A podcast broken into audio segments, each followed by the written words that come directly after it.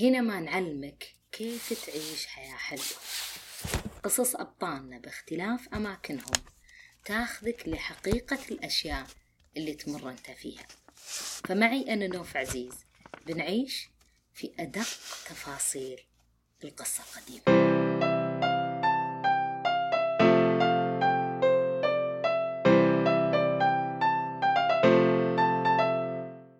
للقصة ثلاث أبعاد. يبتدي البعد الأول من القاص نفسه وبعدين نوع القصة اللي قاعد يقولها وأحداث القصة هي البعد الثالث. لكن في حلقتنا اليوم بنضيف البعد الرابع واللي هو البعد الخفي عن القصة. ليه البشر مهووسين بهذا الشكل بالقصة؟ وليه يحفظوا أحداثهم كقصص؟ وليه دايما لما نسمعها يكون لها بالغ الأثر فينا. أهمية القصة في حياتي بدأت في الطفولة. تحكى بلسان خالتي رحمها الله وأسرني عالم القصة إنه كيف كلمات بسيطة تكونها خالتي صنعت عالم مليء بالشخصيات داخل القصة. تمكنت إنه تأثر فيا وتدخل عقلي وتفكر في دوافعها ومشاعرها واكتشفت مع الوقت دور القصة في خلق روابط شعورية تمكنني من فهم نفسي وبالتالي فهم الإنسان. وهذا كله يحدث بسبب القصص هذا العالم الخيالي في الصورة الأقرب لواقعنا وربما الأصدق. في البداية راح أقولكم تجربتي مع القصة. كيف بدت؟ تجربتي مع القصة ابتدت من وأنا طفلة صغيرة. أول قصة طاحت في يدي كانت عبارة عن ميكي للجيب اللي هي قصة مصورة صغيرة. صغيرة في الحجم كانت تتكلم عن قصة ميكي ماوس وبطوط وأصدقائه. بعدين بالصدفة تعرفت على بعض المجلات اللي كانت مجلات للأطفال مثل مجلة ماجد اللي كانت تنزل وقتها كل أربعاء وأعتقد أنهم مستمرين للحين. وبعد مجلة باسم. بعد ما ننسى قصص المكتبة الخضراء اللي كانت تتكلم عن أغلب القصص المشهورة عالميا. فهذه القصص المصورة هي اللي ارتبطت مع طفولتي. كلنا في طفولتنا لنا تجارب مع القصص. مع الوقت هذه التجارب تنضج وتتحول من القصص القصيرة والمجلات الصغيرة اللي كنا نتابعها باستمرار إلى أن نقرأ روايات أعقد وأكبر شخصيات أكثر ونتعرف على الشخصيات. نبدأ حتى مو بس نتعرف على الشخصية نبدأ نلقى أنفسنا في بعض الشخصيات اللي موجودة في الروايات. على أن القصص منتشرة من زمان واستمرت حتى عصرنا الحين لكن ما حد كان مهتم بالوظيفة اللي ممكن إنها تأديه أو تعطيه لو استخدمت بشكل مختلف. فجات مجموعة من الفضوليين ومن الباحثين قرروا إنهم يفكون شفرة هذا الشيء ويكتشفونه. سافروا على طول على الفلبين. بالتحديد وين؟ بالتحديد في مجتمع الصيادين. عند قبيلة تدعى أجتا ليه هذه القبيلة؟ لأنهم سمعوا إنها مشتهرة بشيوع رواة القصص بينهم. ولقوا إنهم يستخدمون القصة بشكل مختلف. فكانوا دائما يستخدمون الرواة هذولي أو القصص لزيادة التعاون فيما بينهم.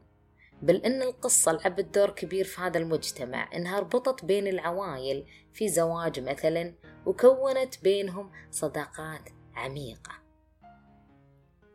فجمع فريق الباحثين بعد فترة طويلة قعدوا مع هذا المجتمع ودرسوا قصصهم جمعوا قصص مجتمع أجاتا كلها وطلبوا من ثلاث من شيوخ القبيلة أنهم يروون أربع أهم قصص على مدى ثلاث أيام ورا بعض. بتواجدهم طبعا. فاللي شافوه أن في أحداث هالقصص ومغزاها كانت قادرة نوعا ما أنها تشكل هوية هذا المجتمع والقبول الاجتماعي فيما بينهم. وزي ما قلنا كانت تربطهم بروابط أسرية وفردية. في النهاية قدرت توفر هذا التآلف أو هذا التوافق بين المصالح العامة للقبيلة وبين الاختلاف الفردي وعززت التعاون في مخيمات الصيادين. دانيال واللي كان أحد فريق هذا البحث أكاديمي من قسم الأنثروبولوجيا. قال إن بحثهم كان يهدف لفهم الدور اللي تلعب القصة في المجتمعات البشرية والإنسان. فلقى أهم دور إنها تساعده على إنه كيف يتكيف وسط هذه المجتمعات. لأنهم كانوا وقتها يستخدمونها لبث الأعراف الاجتماعية وتنسيق السلوك المرغوب فيه عندهم ويشجعون عليه.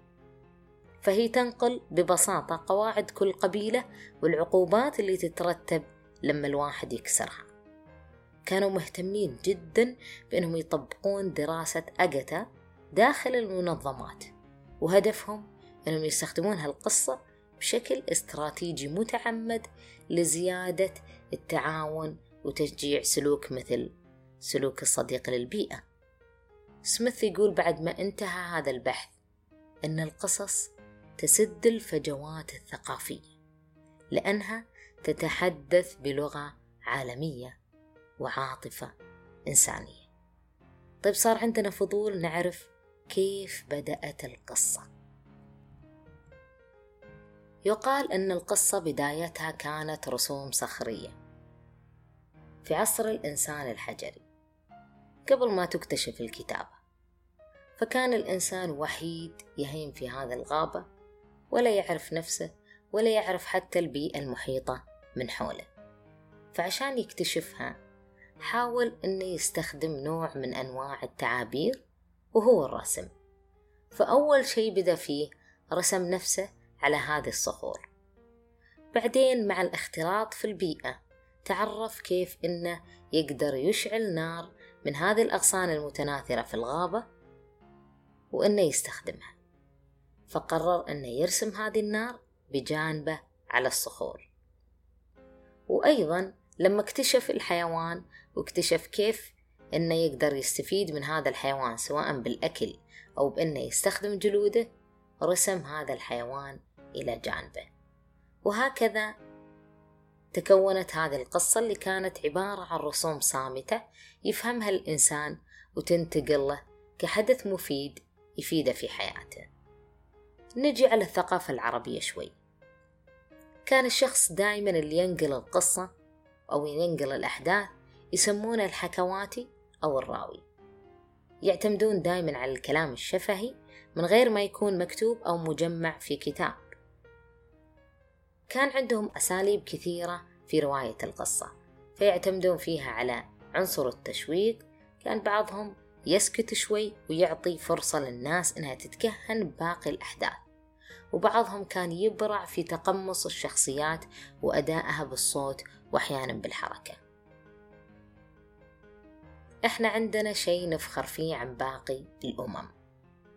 كتابنا اللي نستند عليه ونتوه بدونه. جاءت في طياته الكثير من القصص. الحين أنا أعطيتكم مجال إنكم تعرفونه. فقطيت لكم عنصر تشويق هنا. صح. القرآن الكريم. سرد لنا الكثير من القصص. لا زال بعضها عالق في أذهاننا الحين. نتذكر أحداثها وحتى نهايتها. فالسؤال المهم هنا وش اللي يميز القصص القرآنية عن غيرها؟ عشان تكون العقول على بصيرة اتبع القرآن أقوى أساليب الإقناع لتعميق العقيدة في النفوس المؤمنة. وهو القصص. واللي جاءت تحمل في طياتها قضايا مهمة ركزت في المقام الأول على الإيمان بالله وتوحيده والإقرار بحكمته وعدله وقدرته والإخلاص في حبه. كانت تريد من الإنسان أنه يشحذ همته أنه يسمو بمكانته ويشعر بتفضيله عن المخلوقات الأخرى. هل كان هدفها أنه يرتقي من جانب واحد؟ لا. كان هدفها أنه يرتقي من عدة جوانب ارتقاء روحي ارتقاء خلقي وارتقاء نفسي. فيعززهم كلهم عشان يوصلون لأعلى مستوى. لأن هذا اللي يصنع الإنسان السوي. بنقول اعتمدت القصص على جانب روحي بس. لا طبعا. حثت على الجانب المادي للإنسان. لأنه أحد أسباب القوة وبالاثنين الروحي والمادي نكون أسسنا دعائم حياة الإنسان. بينت لنا أسباب هلاك غيرنا من الأمم والجماعات وأيضا الأفراد وفصلت فيه بشكل هائل وجاء هذا من خلال الحديث عن الأسباب اللي أدت لهلاك الأمم واللي هي البذخ والفجور والظلم والإبعاد الفكري والتكبر وغيرها. اهتمت أيضا بالتدين وركزت عليه وبينت ارتباطه بحياة الإنسان وأنه جزء لا يتجزأ منه. تنوعت القصص القرآنية من حيث الطول والقصر والأحداث. فنلقى اللي ارتبط بالأنبياء بشكل مباشر واللي حدث في عصر النبي صلى الله عليه وسلم. ونلقى اللي متعلق بالغيبيات اللي ما نعرفها. ومنها بعد كان لغير الأنبياء مثل قصة ابني آدم وهاروت وماروت وقصة اللي انسلخ من آيات الله. بعضها ما جاء لأنبياء بس جاء لرجال صالحين مثل قصة لقمان الحكيم وابنه. واللي ارتبطت بناس لهم علاقة بالأنبياء مثل قصة أم موسى عليه السلام وقصة ملكة سبأ مع سليمان عليه السلام وغيرها كثير. الموضوع متشعب ومدهش وبتكتشفون فيه جوانب أول مرة تعرفونها. فخليت لكم مقال مفصل في أسفل الحلقة اطلعوا عليه. طيب نتكلم إحنا شوي عن أبعاد القصة النفسية. علماء النفس استخدموا المنهج القصصي في أبحاثهم. وكان جان بياجي يحلل المواقف والقصص اللي يرويها الأطفال. بينما سيغمون فرويد يعتمد بشكل كبير على القصص اللي يرويها له مرضاه عن حالاتهم. أهم شيء في علم النفس وشو إنه يرتكز على التأثيرات الوجدانية والعاطفية وعلاقتها بالاستعداد النفسي للإنسان. والقصة تكشف لنا هالمشاعر ومدى تأثيرها على العاطفة وبالتالي أثرها على العقل. اعتمدوا طبعا على القصص الواقعية أكثر من الخيالية أو البطولية لأن الأخيرة تظهر الإنسان بدون عيوب ومثالي ومو هذا هدف علم النفس. لكن قصص الإنسان الواقعية هي اللي تكشف الهوى لدى فرويد واللي يقصد فيها الدوافع الفطرية والعدوانية. فكل إنسان عنده دوافع ورغبات معينة. تصطدم في إيش؟ تصطدم في الأنا واللي هي الدين والعادات والتقاليد والعرف الاجتماعي. وعندنا الحلال والحرام والصح والخطأ. هي بمثابة الرقيب اللي يقوم بدور الموازنة بين الاثنين بين الهو والأنا. يعني قامت القصة في أوقات كثيرة بدور البطولة في علم النفس. تدرون إن ثاني شخصية بعد المسيح تأثر على الوعي الغربي هي هاملت؟ وهذا يعكس قدرة الأدب المتمثل بالحكاية تروى عن بطل أو بطلة مخترعة يكون لها هذا الحجم الكبير في تكوين وعي الناس هناك. لكن من الأشياء اللي أجدها غريبة نوعا ما وما أتفق معاها مية بالمية هي نظرية فرويد في تحليل القصة. فكان ينظر للإنتاج الأدبي على أنه مشكلة أو حالة مرضية تتطلب حل وأن الكاتب يحاول دائما يتخفى خلف رموزه وخياله ويهرب من الواقع. حتى أنه قام بتحليل عمل صوري مثل لوحات الفنان ليوناردو دافنشي وكتابية مثل روايات دوستوفسكي. درس أيضا قصة جراديفا للكاتب الدنماركي جنسن وأهم عمل قام بتحليله هي مسرحية هاملت لويليام شكسبير. فكان يحلل شخصية البطل وتصرفاته ويعلل دوافعه من خلال التسلسل السردي للقصة ويفحص مسيرة البطل النفسية بمنظار قريب. هذا الشيء خلاه يقول إن القارئ يشترك مع الكاتب في جزء من هالقصة لأنه مثله في جوانبه النفسية. هذا مو كل راي فرويد في تحليل الإنتاج الأدبي لأغلب الفنانين والفنانات. هذا جزء بسيط منه. الموضوع يطول شرحه. اللي بنفهمه أن القصة خلت أطباء وعلماء النفس يفهمون أكثر ذاتية الإنسان وإدراك هويته الاجتماعية والثقافية وكشفت لهم دوافعه وأسبابها وهذا جاء من خلال ما يرويه المرضى لأطبائهم. شاف الله مرضانا ومرضاكم من كل الأمراض ومتعهم بالعافية. قولوا آمين.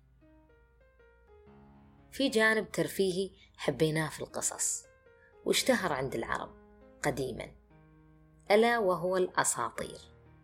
فايش رأيكم نستعرض بعضها؟ مو كلها لأنها كثير مرة فبناخذ أغربها.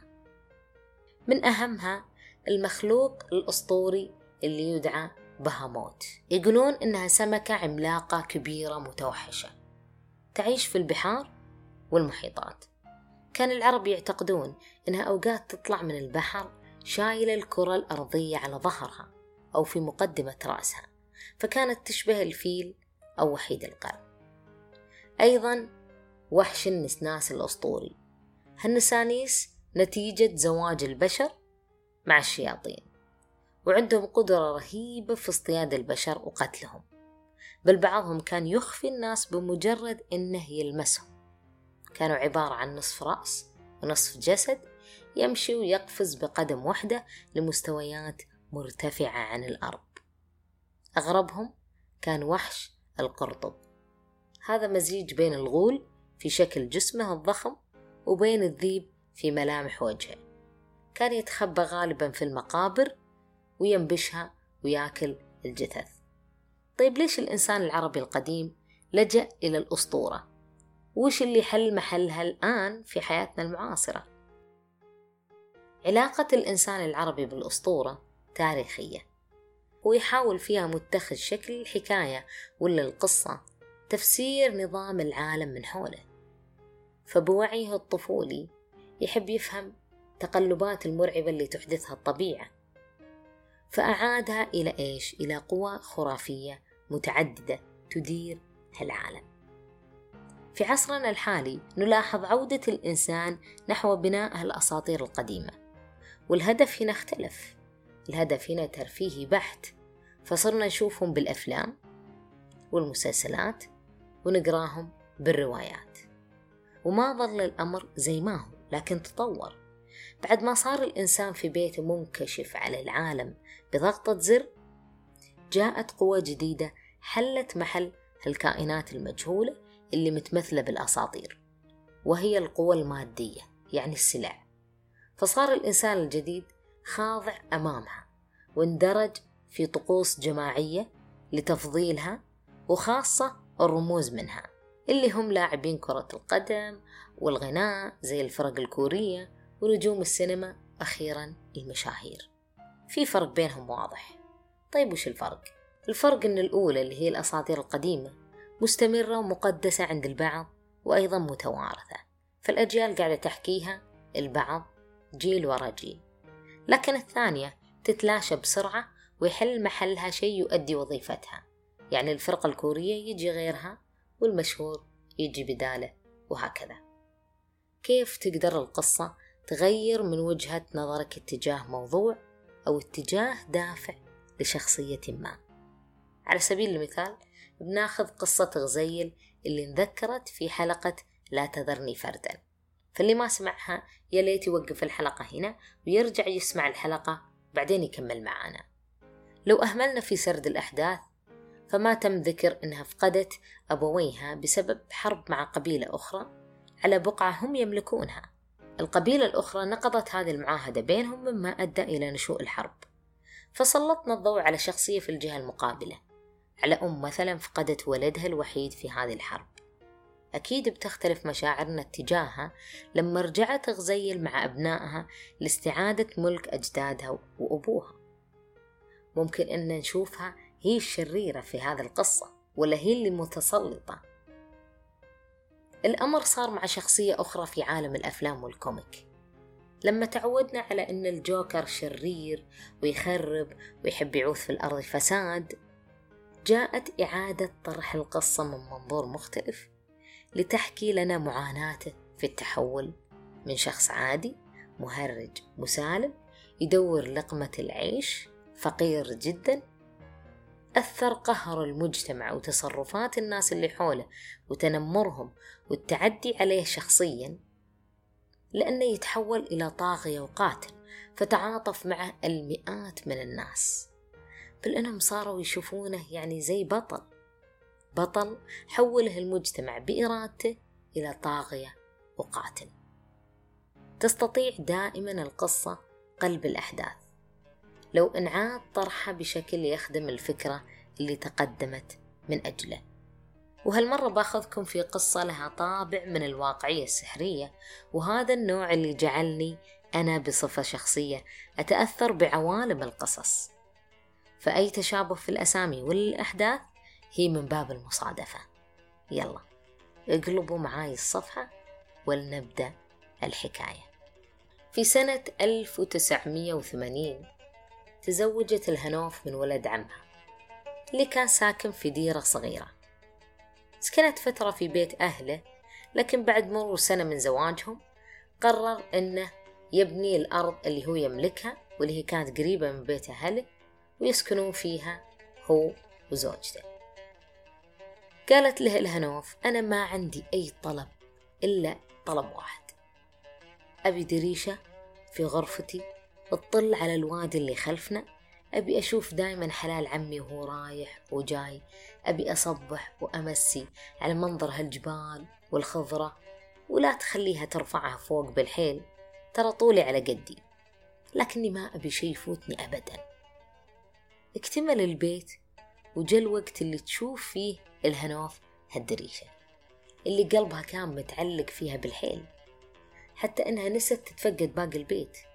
جلست تناظر الجبال وشبك عمها البعيد والراعي وهو يقود الأغنام وأصوات أجراسها والشمس اللي اختفت ورا الجبال مختلطة ألوانها. كان عمر الهنوف وقتها تسعة عشر سنة. عبرت عن فرحتها بالبيت ولو تبون الصدق فرحتها بهالدريشة بالذات. عزمت أهالي القرية وسوت نزايل للبيت. نزايل للبيت يعني حفلة بهذا البيت الجديد. علقت اللمبات وزادت هالقرية بيت جديد. كانت الهنوف تنظف بيتها وتطبخ الغداء ولافظت تقضي الوقت عند هالدريشة. ساعات ورا ساعات كانت أحيانا تزور بيت أهل عمها وتسلم عليهم وترجع على طول على بيتها. سافر زوجها في يوم من الأيام عشان يقدم أوراقه على عمل في الشرقية. وقعدت هي في بيتها تعيش تفاصيل يومها العادي وتنتظر منه الأخبار. يوم من الأيام مشطت شعارها وخلصت شغل البيت سلمت على أهل عمها وجابت من عندهم الحليب ونست لا تطل على الدريشة. حست في شي ناقص في يومها ما سوته حاجة متعودة عليها. فدخلت على طول غرفتها لكنها تفاجأت لما لقت الدريشة ما تطل على شيء. وين المنظر؟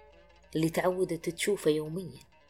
تحول إلى شيء شفاف خافت وارتبكت. طلعت برا البيت.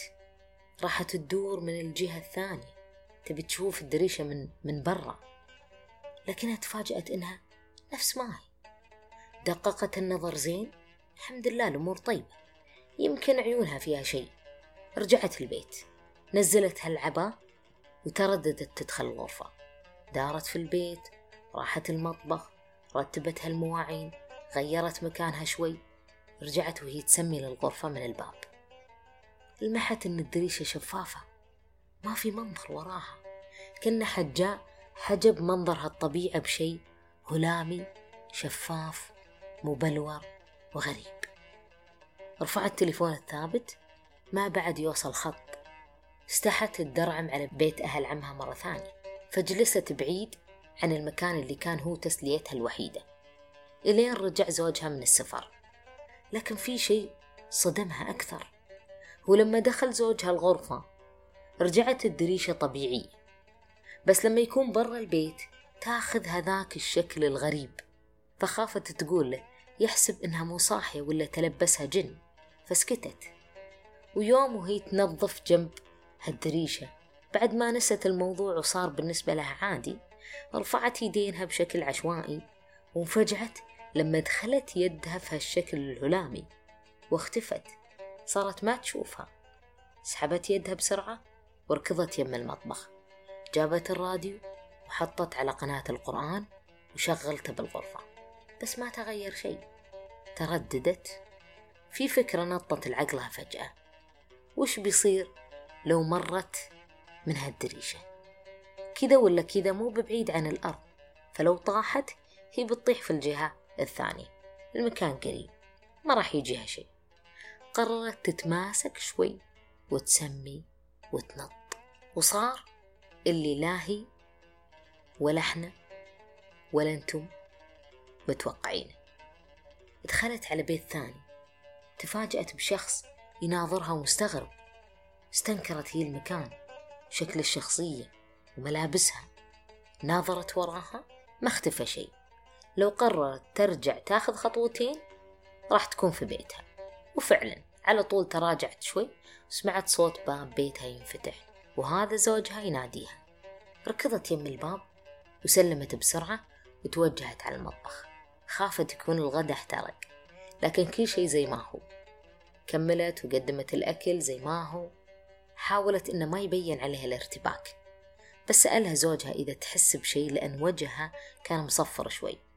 قالت لا لا أبدا بس يمكنني أمس ما قدرت أنام زين. لما شافها تبتسم قال دام أنت رايقة أنا عندي خبر ممكن إنه يزعجك في البداية لكن هو خير إن شاء الله. أبشرك. قبلوني في الشرقية وقالوا لي أداوم وراتبي مرة زين.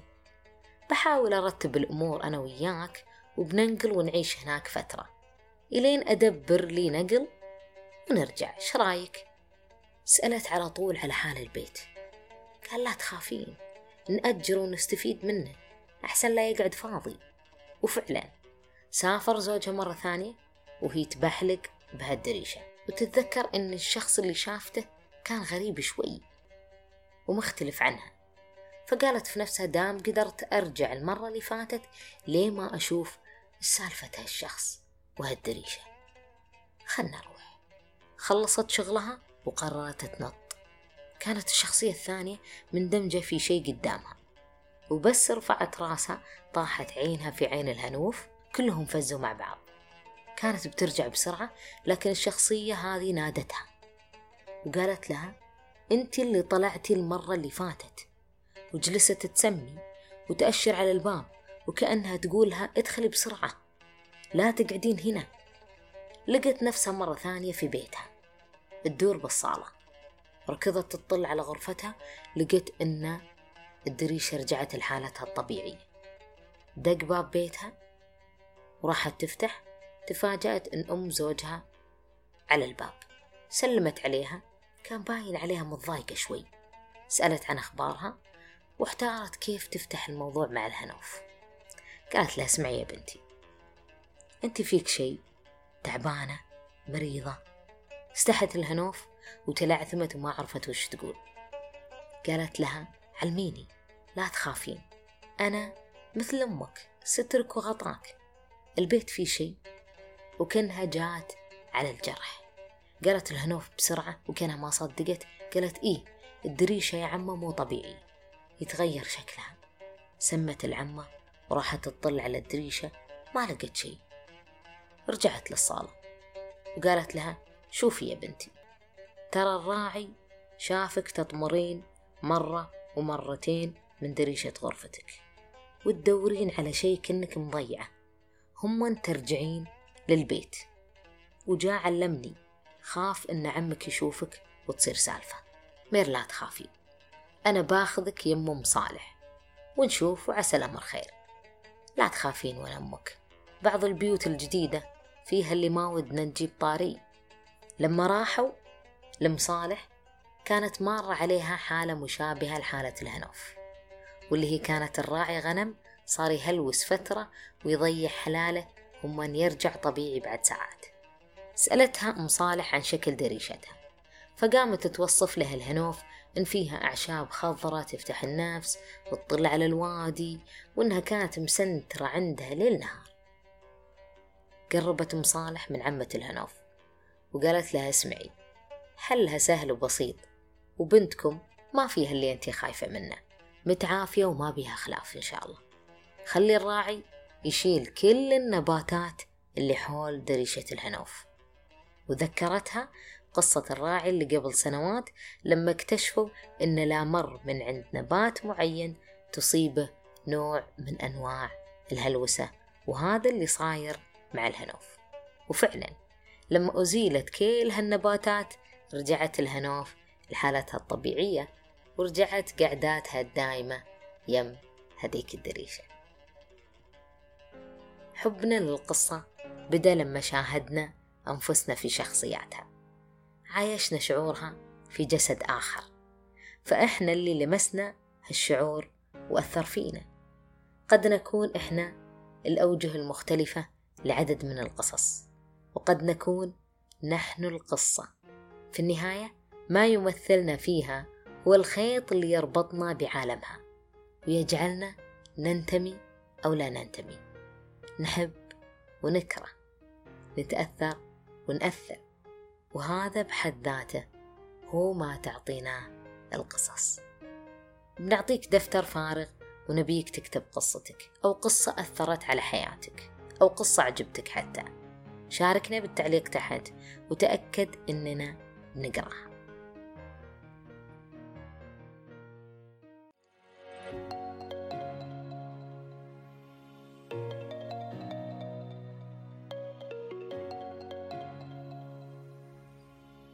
أكثر مقولة انسحب عليها مع عصر المعرفة اللي تجي باستمتاع وشغف.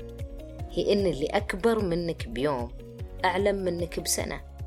لأن العمر صار ينضرب بعمق وقوة القرارات اللي تغير شكل الحياة. اسمع بودكاست قرارات غيرت التاريخ وبتفهم كلامي زين.